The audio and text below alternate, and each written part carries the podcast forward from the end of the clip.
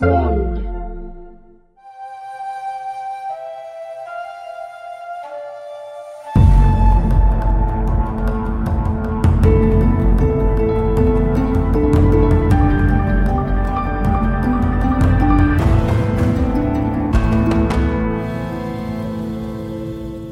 Media Network Emirgan Stüdyosu'ndan hepinize merhaba. Muhteşem 13. Yüzyıl podcastimizin yeni bölümünden. Bu bölümde Eray ve Fırat bir aradayız. Bugün Sinan yok aramızda. Kendisine sevgilerimizi iletelim buradan. Hoş geldiniz arkadaşlar. Hoş bulduk. Merhabalar. Şimdi 6 bölümde pek çok şey anlattık bugüne kadar. Bu bölüm biraz daha farklı bir şey yapmaya karar verdik. Sizden gelen yorumlar neticesinde biraz daha sohbet gibi bir bölüm yapmaya karar verdik. Bunun sebebi de Mevlana'nın felsefesiyle ilgili daha derinlemesine bir yoruma e, açık olduğunuza dair bazı yorumlar aldık. Ve e, bu yüzden de iki bölüm önce açtığımız beyitlerle başlayarak bunu bir sohbet bölümü haline getirmeye karar verdik. Önce isterseniz bu beyitleri hatırlatayım size arkadaşlar. Çok iyi olur. Çok güzel beyitlerdi. Sen de çok güzel okumuştun. Teşekkür ederim. Şöyle söylüyordu Mevlana. Bir can var canında, o canı ara. Beden dağındaki gizli mücevheri ara. Ey yürüyüp giden dost, bütün gücünle ara. Aradığını dışarıda değil, kendi içinde ara. Bu beyitlerin gerisinde çok derin bir mana var aslında. İstersen birazcık bundan başlayalım Eray. Evet. Gerçekten çok manalı. Günün anlam ve önemine uygun. yani şimdi bu, bu beyitler Mevlana'nın ve bütün Sufizmin de diyebiliriz. Hı hı. Sufizmin kökeninde olan bütün düşünce akımlarını diyebiliriz. Tasavvufun diyebiliriz. Bütün e, söylemek istediklerini Mevlana Evet bu dört satıra sığdırmış dört yani satırda aslında. olağanüstü. Ya bir kere bir arayış var. Evet Değil yani bir can var canında. O Evet. canı ara. Öncelikle bununla başlayalım Evet. istersen. Şimdi bir kere burası nispeten daha belki kolay anlayabileceğimiz. Hatta belki Yunus Emre bölümünde çok daha rahat konuşabiliriz ama Yunus Emre'nin hepimizin bildiği bir şiiri vardır. Bir ben vardır. Benden, Benden içeri. içeri. Mevlana'da bir can vardır. Hı hı. O canı ara diyor. Yani bu insanın kendi egosunun ötesinde ki bir varlık bir benlik. Bunu nasıl anlatabiliriz? Geçen bölümde Fırat anlatmıştı. Mevlana çok zor konuları çok güzel anlatıyor. Evet basite indirgeyerek. Çok basit indiriyor, çok güzel sembolizmle anlatıyor. Hani bunu nasıl anlatabiliriz? Belki bir matruşka gibi. Yani fiziki değil ama insanın içinde kendisinin ancak yeni bir boyuta çıkarak fark edebileceği farklı bir bilinç seviyesi olduğundan bahsediyor. Bir can var içinde o canı ara. Yani o belki bilinç dışı da olabilir, bilinç altı da olabilir. Ee, Artık ne diyorsanız. Evet, farklı şekillerde Hı hı. isimlendirilebilir. Evet. Bunu aramak tasavvuf anlayışının merkezi. Zaten tasavvuf bu anlayış üzerine kurulu. Hı hı. Sonrasında da beden dağındaki gizli mücevheri ara diyor. Buradaki beden dağı yani neden dağ denmiş olabilir ve gizli mücevher ne? Tabii şimdi burada hem beden var bir de. Evet. Sadece dağ yok beden var. dağ var, mücevher var bir de gizli var. Evet. Şimdi bunların her birisini de farklı bir kavram olarak düşünebiliriz. Yine daha evvelki ilk Mevlana'nın Mesnevi'yi açarken yine Mesnevi'nin başlangıç beytiyle açmıştık. Hı hı. ve neyle e, açmıştık? Neyin feryadıyla açmıştık? O feryat neydi? Esasında özden kopmanın verdiği bir feryattı. Tekrardan öze dönmek isteyen Öze bir dönmek isteyen neyin? İnsanın, ruhun bir feryadıydı. Yani deminki o canı aradaki canın feryadıydı. Şu anda ise özellikle yine Sufilikte sır denen Yine geçen bölümde sırdan bahsettik. Madonna'nın klibindeki Sirius'tan, bunun bizdeki sıra karşılık geldiğinden. İşte sırlamak diye bir terim var. Sır bizim kültürümüzde çok bilinen bir kavram. Hı hı. Bu sır, Mevlana bunu gizli olarak söylüyor. Hmm. Gizli mücevher esas da o sıra. Her insanın içinde olan arayan canın bir sır olduğu, o sırrın keşfedilebileceğini ve aynı zamanda bu aranan canın bir mücevher olduğunu söylemek istiyor. Mücevher de niye mücevher diyeceksin tabii ki. Çünkü ulaşmaya aslında çalıştığın yani Mevlevilikte de ulaşmaya çalıştığın mertebe yani e, orası değil mi? Bir şekilde kendi içinde içine dönerek kendi içinde bulmaya çalıştığın yüce bir mertebe aslında. Dışarıda değil, içeride aradığın bir şey gibi. Evet yani bir cevher, mücevher, cevherin çekilmiş hali Evet. Arapça. Temelinde cevher var. Cevher de zor elde edilen Hı hı. altın bir cevher mesela. Pırlanta bir cevher. Yani zor elde edilen bir madeni taş esasında cevher. Yani öyle baktığımızda yani ne yapıyoruz? Orada da toprağın altına Evet. gidiyoruz. İşte dağın altından çıkarıyoruz. Nereden çıkarıyorsak bir cevher çıkarıyoruz. O cevher de zorluklarla elde ediliyor. Gizli mücevher ise orada bir cevher var ama aynı zamanda gizlenmiş. Ve bu gizli mücevheri ortaya çıkarmak için insanın araması gerekiyor, uğraşması gerekiyor. Sonuçta cevher dağdan çıkıyor. Bu gizli mücevher. Ama bu dağı ne olarak tanımlıyor Mevlana? Beden olarak. Yani bedenin aslında e, çabucak içindeki o gizli olan yere kolay ulaşılamadığını belki anlatmak için beden dağı diyor. E bir de tabii şöyle demiştik ya yine ilk beyitlere dönüyorum. İnsan ruhunun bedenin içine sıkıştığından bahsetmiştik. Mevlana'ya göre. Yani bu bedenin içerisinde bir dağ olarak görüyor ve bu dağın içerisinde bir mücevher var. Saklı bir sır var. Bu Mevlevilikte de hani sırlamak her insanın içinde olan aşk yoluyla ancak farkına varılabilecek bir sır. O sır da canın içindeki bir can. Bu arada dağ sembolü tabii çok tanrılı dinlerde, tek tanrılı dinlerde mağara sembolü, maden sembolü çok kullanılan üzerinde kitaplar yazılmış ve hatta peygamberlerin yaşamlarında da işte mağaralar, dağlar, çıkılan dağlar çok sık rastlanan şeylerden biri. Oraya da bir gönderme olabilir tabii. İki tane şey var orada. Tabii mağara çok önemli. Çok iyi bir noktaya dokundun. Çünkü mağara şeyi düşünün. Mesela haritacılıkta biz böyle şeye hazırlanırken üniversite sınavına mağarayı böyle bir labirent gibi çizersin. Labirent kavramı da işte insanın bilinç dışı ve bilinçaltıdır. Mağara yerin içine girdiğin için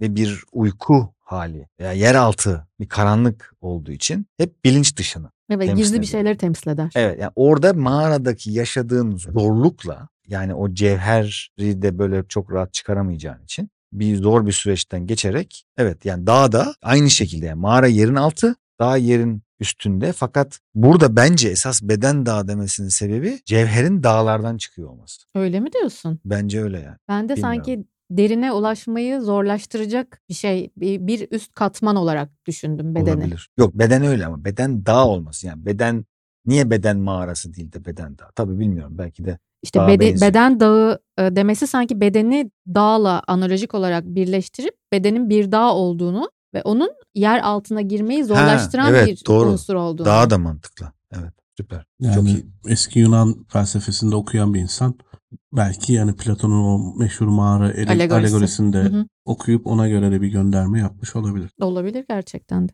Ya mağara çok bilinen ya zaten işte bizim dinimizde İslamiyet'te işte Hazreti Muhammed mağaraya gidip ilk şey başlar. E, mağaranın koruyucu bir şey de var tabii koruyor aynı zamanda. Hem dış bir etkenlerden. aynı zamanda içe dönüp bir meditasyon yeri gibi düşünülebilir. Yerin altına gidiyorsun. O aynı zamanda bilincin altına gidiyorsun. Evet dışarıdaki tehlikelerden Ben koruyucu uzaktasın. bir kalkan görevi görüyor. Aynı şekilde bir de dağında da bir Hira Dağı var. Hmm, Hira Dağı'ndaki bir mağara. Yani burada doğru. o da var. Yani Hira Dağı da var. Yani buradaki belki de buna bir şey yaptı. Belki de Hira Dağı'na e, bir Gönderme mi gönderme yaptı. Sen ne diyorsun Fırat?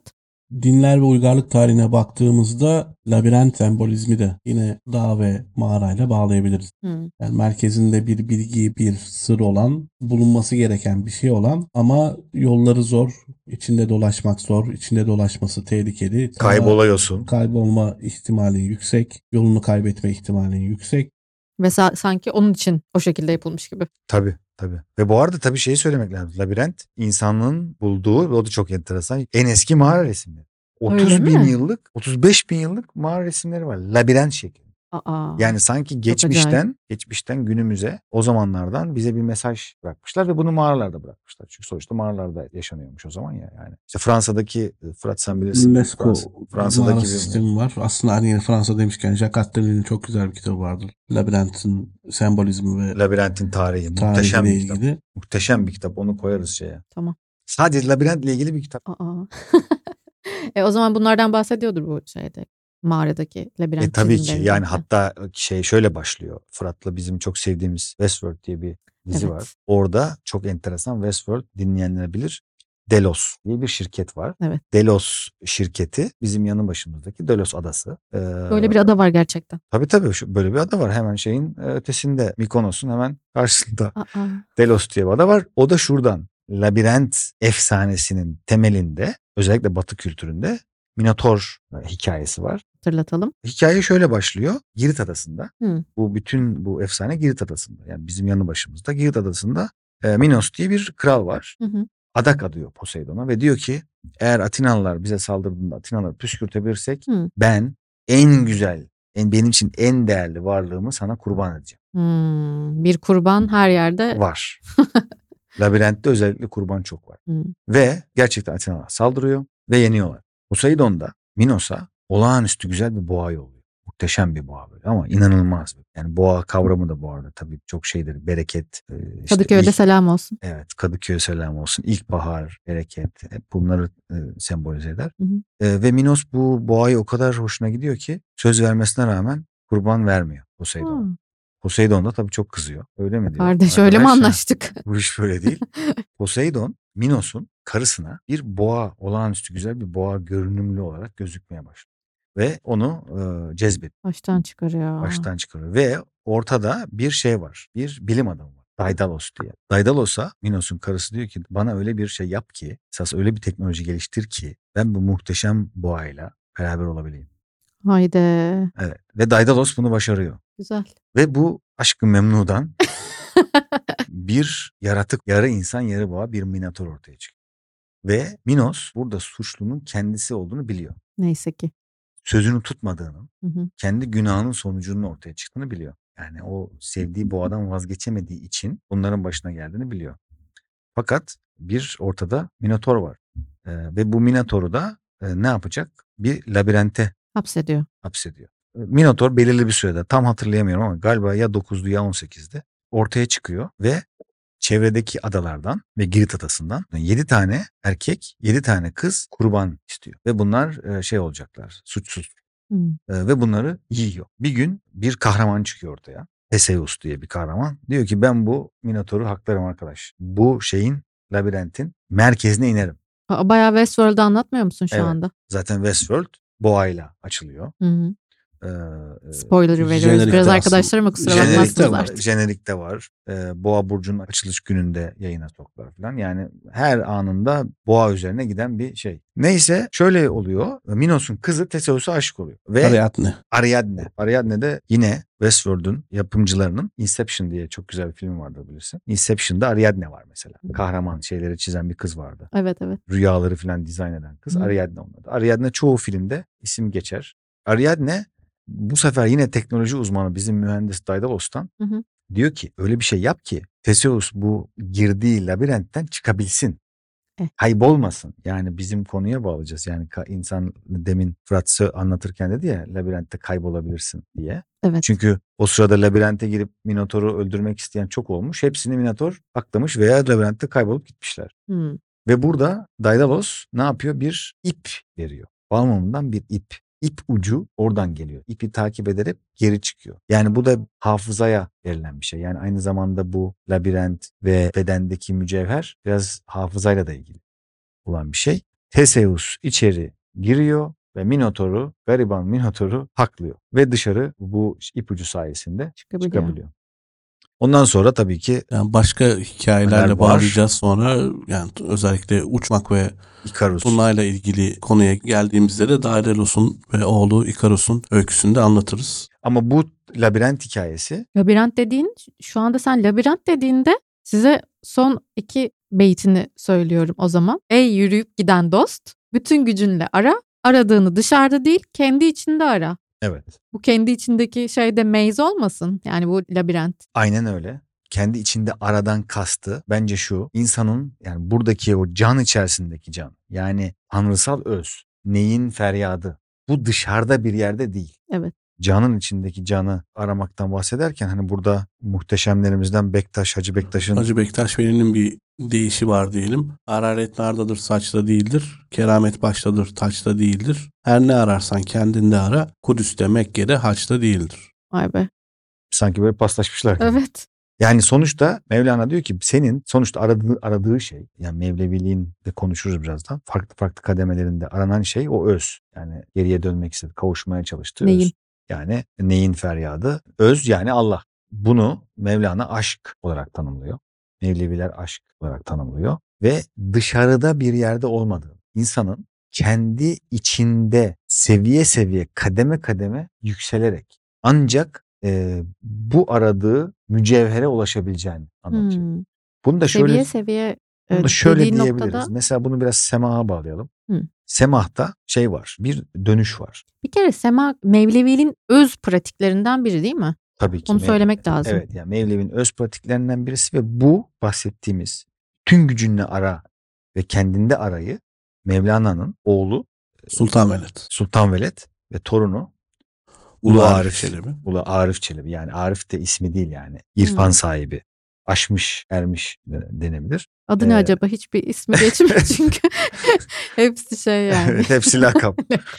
E, Onların kategorize ettikleri bir yöntemler zinciri. Hı hı. Hatta devri velet deniyor buna. Yani e, bir devir var. Bu arada bizim davar kelimesi, hor kelimesi, horus, torro, tu, devir, döngüyle ilgili. Hmm. Tabii ki Mevlana ve Mevlevilik deyince döngü zaten işin merkezinde. Boğa akım yıldızının merkezindeki yıldızın adı da devran. Hmm. Çünkü tekrar gökyüzünde 21 Mart'ta veya 21 tarihlere, yıllara göre değişiyor. Görüldüğünde bir devir tamamlanmış oluyor. Yani bir Hmm. yıl tamamlanmış oluyor. O yüzden de devran yıldızı. Yani boğayla başka bir şey daha var yani. Bir başlangıç esası. Evet o zaman devran döner Aynen öyle. dediğin zaman hani o e, zaman tamamlanır ve başka o Harika. Şeyin zamanı gelir diğerinin gibi. Yani bir döngü biter. Evet. Yine bir döngü daha başlar. Başlar. Yani semah gibi dönmeye bir kere hepimiz dönüyoruz yani. Hepimiz zaten semahtayız. Yani istesen de istemesen de zaten semahtayız. Bunu sembolize ediyor. Devri velet de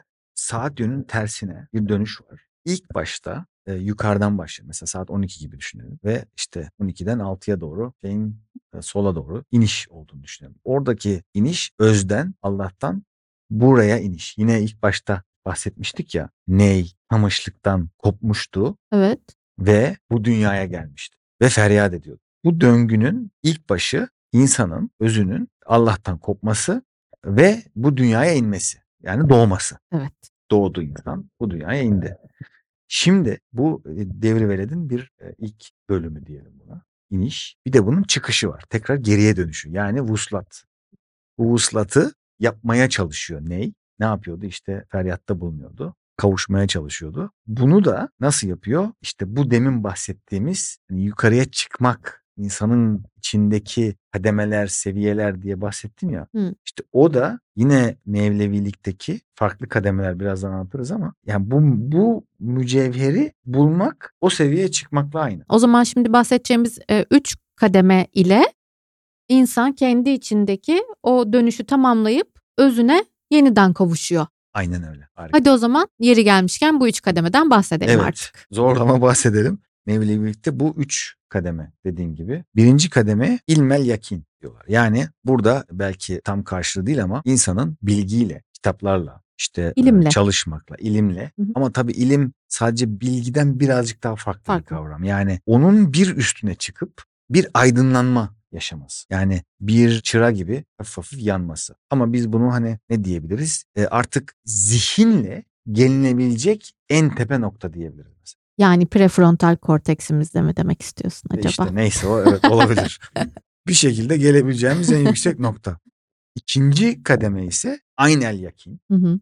Burada artık bu kademe insanın bütün insani duygularından, egosundan, bütün bu bedene ait her türlü ihtiyacından kopması Yani bir şekilde flow state yani akış dediğimiz günümüzde artık bunu bir flow yani akış olarak adlandırıyor. Öyle mi? Evet yeni adlandırıyorlar. dünyada Yeni dünyada. Z kuşağı mı diyor bunu?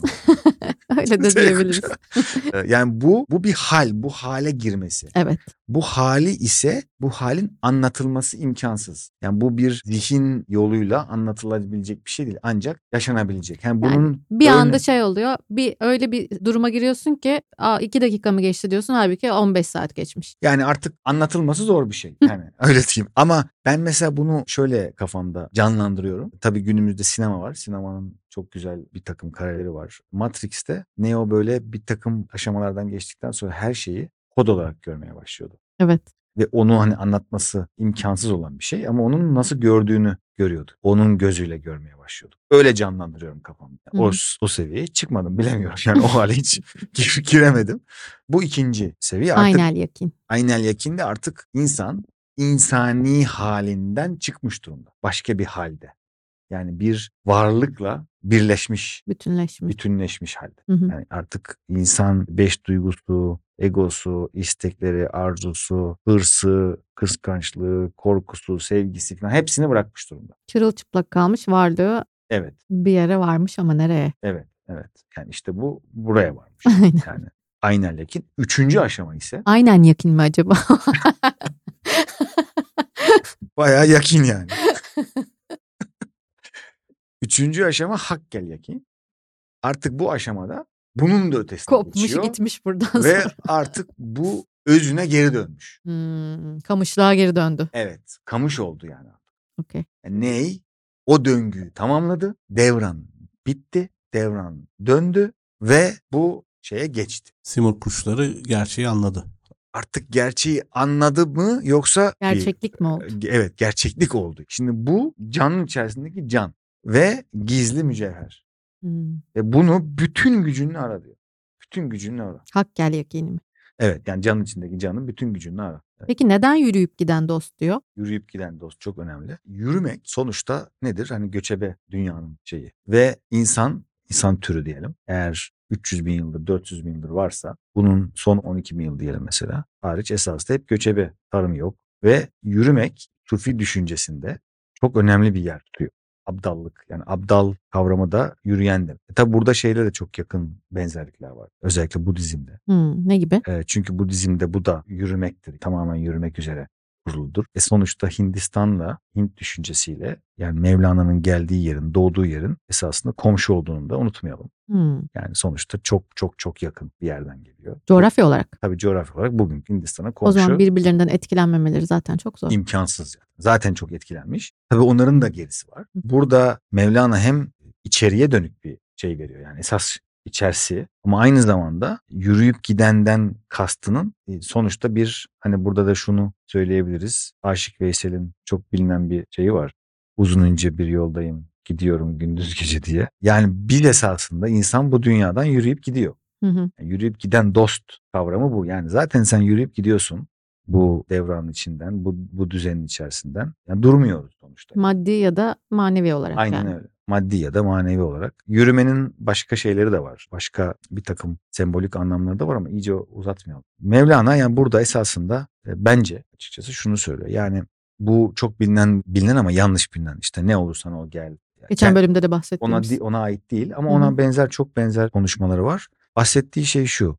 e, Senin dışsal olarak, insan olarak dışta yani bu dünyada hangi kültürde yaşıyorsan yaşa, nerede yaşıyorsan yaşa, e, nasıl yaşıyorsan yaşa. Bu konuştuğumuz çerçevede araman gereken şey dışarıda değil. Senin kendi içinde ve kendi iç yolculuğunla. Çünkü sen özünde ana özden kopmuş bir parçasın. Dış dünyada ne olduğunun hiç önemi yok. Yani nerede yaşadığın, neye inandığın. Önemli değil. Yani bu ya ne olursan o gel gel bizde senin yerin var anlamında söylenen bir şey değil. Hı. Ya bu bir realite yani sonuçta. Bir eve davet değil aslında bir yönteme davet olarak görebiliriz. Bir de bu Evet. bir gerçek yani. Sonuçta sen hani farklı yerlerde yaşıyor olabilirsin ama hepimiz insanız ve hepimiz çünkü bu düşüncede her insan içindeki özü arıyor yani. Çok kapsayıcı bir aslında davet gerçekten. Çok Sadece kapsayıcı. e. İslam'a özel bir şey değil yani. Değil. E, Müslümansan gel demiyor yani.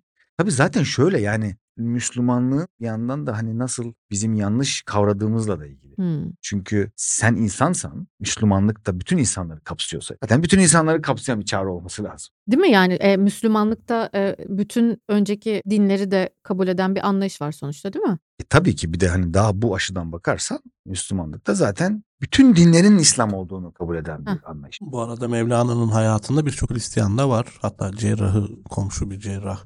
Zaten o sırada çok yani şey var. Konya halkının belli bir bölümü de o zaman Rum. Çok tenkit ediliyor onlarla konuştuğu için, onlarla tartıştığı için. Verdiği cevap Tanrı'ya giden tek bir yol yoktur. Hepimizin farklı yolları var. O yollar üzerinden onlar o yolları seçmiş, biz bu yolları seçmiş. Çok da kurcalamayın dediği var kitap. Yani şöyle işte şunu ben anlıyorum burada. Yani Tanrı'ya giden yol farklıdırdan kastı şu. Yani veya şunu anlatmak istiyor. İnsan sonuçta hayata farklı farklı şekillerde geliyor. Yani Kuzey Amerika'da da doğmuş olabilirsin. İşte Irak'ta da doğmuş olabilirsin. İstanbul'da da ne bileyim Şangay'da da doğmuş olabilirsin. Bu senin kontrolün altında olan bir şey değil. O kültürün içinde doğuyorsun zaten yani. O kültürden çıkamazsın. Fakat bu düşüncede yani Mevlana'nın söylemek istediği bu satırlarda insanın dünya üzerindeki e, hayatıyla ilgili olan bir şey değil. İnsanın özüyle, özle olan yani Allah'la olan ilişkisiyle e, ilgili bir şey söylüyor. Yoksa bu dünyadaki yaşamla ilgili bir şey söylemiyor. O yüzden diyor ki ne ararsan ara bütün gücünle ara e, o gizli mücevheri beden dağında diyor. Yani oraya buraya bilmem nerede falan gitmene gerek yok. Oralarda değil senin aradığın diyor. Hepimiz için söylüyor bunu. Yani bunu bir işte ne bileyim atıyorum Hristiyana, Yahudiye veya ne bileyim Budiste, Şamana, Müslümana bilmem neye falan demiyor. Bu bir insana söylenen bir şey. Yani insanla ilgili bir şey sonuçta. Yani bir kategorik bir dünyanın üzerindeki bir yaşam düzenleyici bir şey değil bu yani. Sonuçta daha içsel bir şey ve burada çok kuvvetli bir acayip kuvvetli bir mesaj vermiş tabii ki yani. Evet, zihinle alakalı bir şey aslında Evet, yani zihin. tamamen. Tamamen zihinle alakalı. Mevlana buraya kadar gelirken binlerce yıllık arayışın peşinde onu devam ettiriyor. Cevher arayışı, mücevher arayışını devam ettiriyor. Ona gelene kadar birçok filozof, birçok düşünür, birçok ilahiyatçı bunları anlattı. Mevlana ilk başta bunları onların kitaplarından, onların düşünce sistemlerinden öğrendi. Ondan sonra Şems'le beraber bir ateş yandı ve o arayışı daha çok anlamlandırabildi kafasında, daha açabildi, daha geniş bir halde ele alabildi. Tabi Mevlana bu uzun yolda bir durak. 19. 20. yüzyıla geldiğimizde aynı arayışı bilinçaltı, bilinç dışı, kolektif bilinçaltı, kolektif bilinç dışı, ego, egonun gölgesi vesaire hani modern kavramlarla aslında Carl Gustav Jung'un ele aldığını, daha teorize ettiğini ama elinde tabii deney imkanları var binlerce insanı incelemek ihtimali var. Böyle bir teori oluşturduğunu söyleyebiliriz. Hep yolculuk diyoruz, yol kat etme diyoruz. O, Joseph Campbell'da da o meşhur kahramanın yolculuğu üzerinden de bir gönderme yapabiliriz. Kahramanın yolculuğu hep böyle filmlerdeki, senaryolardaki yolculuk olarak kabul edilebilir. Ama aynı zamanda o iç arayışa yönelik bir yolculukta olarak görmemiz mümkün. Hani daha önce bahsettiğimiz hikayede işte bir bilge yol gösterir Joseph Campbell'ın kahramanın yolculuğunda. Onu Feridun Attar'ın Mantık Ayar kitabında Hütüt Kuşu olarak görüyoruz. Mevlana birçok kişiye yol gösterdi. Muhteşemlerimize birçok kişi yol gösterdi. Hacı Bektaş, Yunus Emre birçok kişiye yol gösterdi. Modern dünyada da filmlerde kahramanın yolculuğu şeklinde zaten ilerlemez mi hep şeyler, plotlar? Ve tabii Joseph Campbell'ın teorize ettiği bir başlangıç. Ondan sonra belki Eray Sema'nın terimleriyle anlatır. Başta bir zor zamanlar, zorluk yaşama, bir mihmandar yol gösteren yoluyla bir yetenek kazanma, sonra o ağır Ölümden bir kayıp dönme. yaşanma, ölümden, Ölümden dönme, dönme. ağır bir kayıp yaşama, ondan sonra Kaybolma. yeniden kendi güçlerini, kendi içindeki gücü fark etme ve mutlu son üzerinden ilerler. Yani Star Wars'undan Yüzüklerin Efendisi'ne kadar hemen hemen bütün mutlu sonlu filmler diyelim ya da belli bir yere varan filmler Daha doğrusu insanların çok hoşuna giden hikayeler. Çünkü bir circle tamamlanıyor. Evet Circle tamamlanıyor ve ortak bir bilinç dışına işaret ediyor ve Hollywood bunu çok güzel sembolize ediyor. E çünkü in- aslında insanın da özümseyerek istediği şey o. E tabii çünkü zaten içimizde var o. Evet. Ortak bilinç dışımızda var. İşte Carl Gustav Jung'un arketipler dediği. Yani her insanın bilmeden gördüğünde aynı hissiyata onu da başa dönüp Minotaur'a bağlarsak hafızayla konuşmuştuk. Hani. Hı hı. Yani esasında Jung diyor ki bu bizim içimizde doğarken sahip olduğumuz ortak hafıza. Bu kavramlar, arketipler bizim ortak hafızamızı canlandırıyor. Ee, yani Reklamcılıkta da bolca kullanılır arketipler Tabii yani mesela. hafıza üzerinden gidiyor ama bu şey hafızası değil. Dün ne yedim falan değil. Yani insanlığın ortak hafızası ve bu belki işte 100 bin yıllık, 200 bin yıllık bir Tabii, birikmiş hafızadan değil. bahsediyoruz. Oradaki bir takım kavramlar. Orada tabii bir tek şunu ekleyeceğim. Jung'la ilgili. Jung'un bu geçen bölümde de konuştuk. Individuation, birleşme kavramı gerçekten Mevlana'yla, Mevlana'nın söyledikleriyle inanılmaz örtüşüyor. Hmm. Yani beden ruh ikiliğinin ortadan kalkması ve insanın işte e, Jung esasında biraz böyle aynel yakinden bahsediyor. Buradaki artık o bölünmez bütünlük demiştik ya yani. Sanki insanın kendi ülkesi, kendi bedeni falan gibi. Ya o bedenle ruhun artık bir şey olması. İkiliğin ortadan kalkması.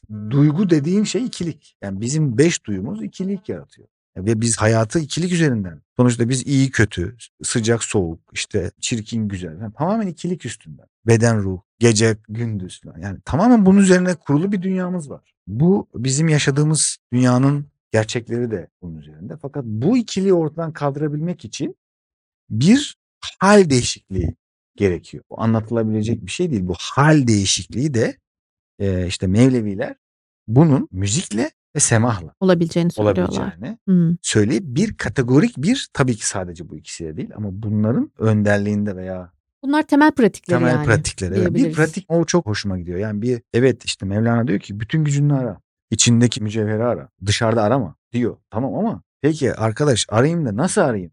Yani. Nerede arayacağım ben bunu içinde? hani bulamadım deyince de bir önünde bir yöntem şeyi o Ve acayip. bulamadıysan al böyle ara. Al arkadaş bunu arayacak bir yöntem var burada. Bak gel şunları şunları şunları yapacaksın. Bunları deneyer denersen olabilir diyen bence o çok önemli bir şey. Yani hani mesela bugünkü hayatımızda hep böyle şey çok duyuyoruz değil mi? İşte know yourself yok bilmem ne Hı. kendini bil işte şudur budur. Yani bileyim Sen de seni bil sen, sen- seni.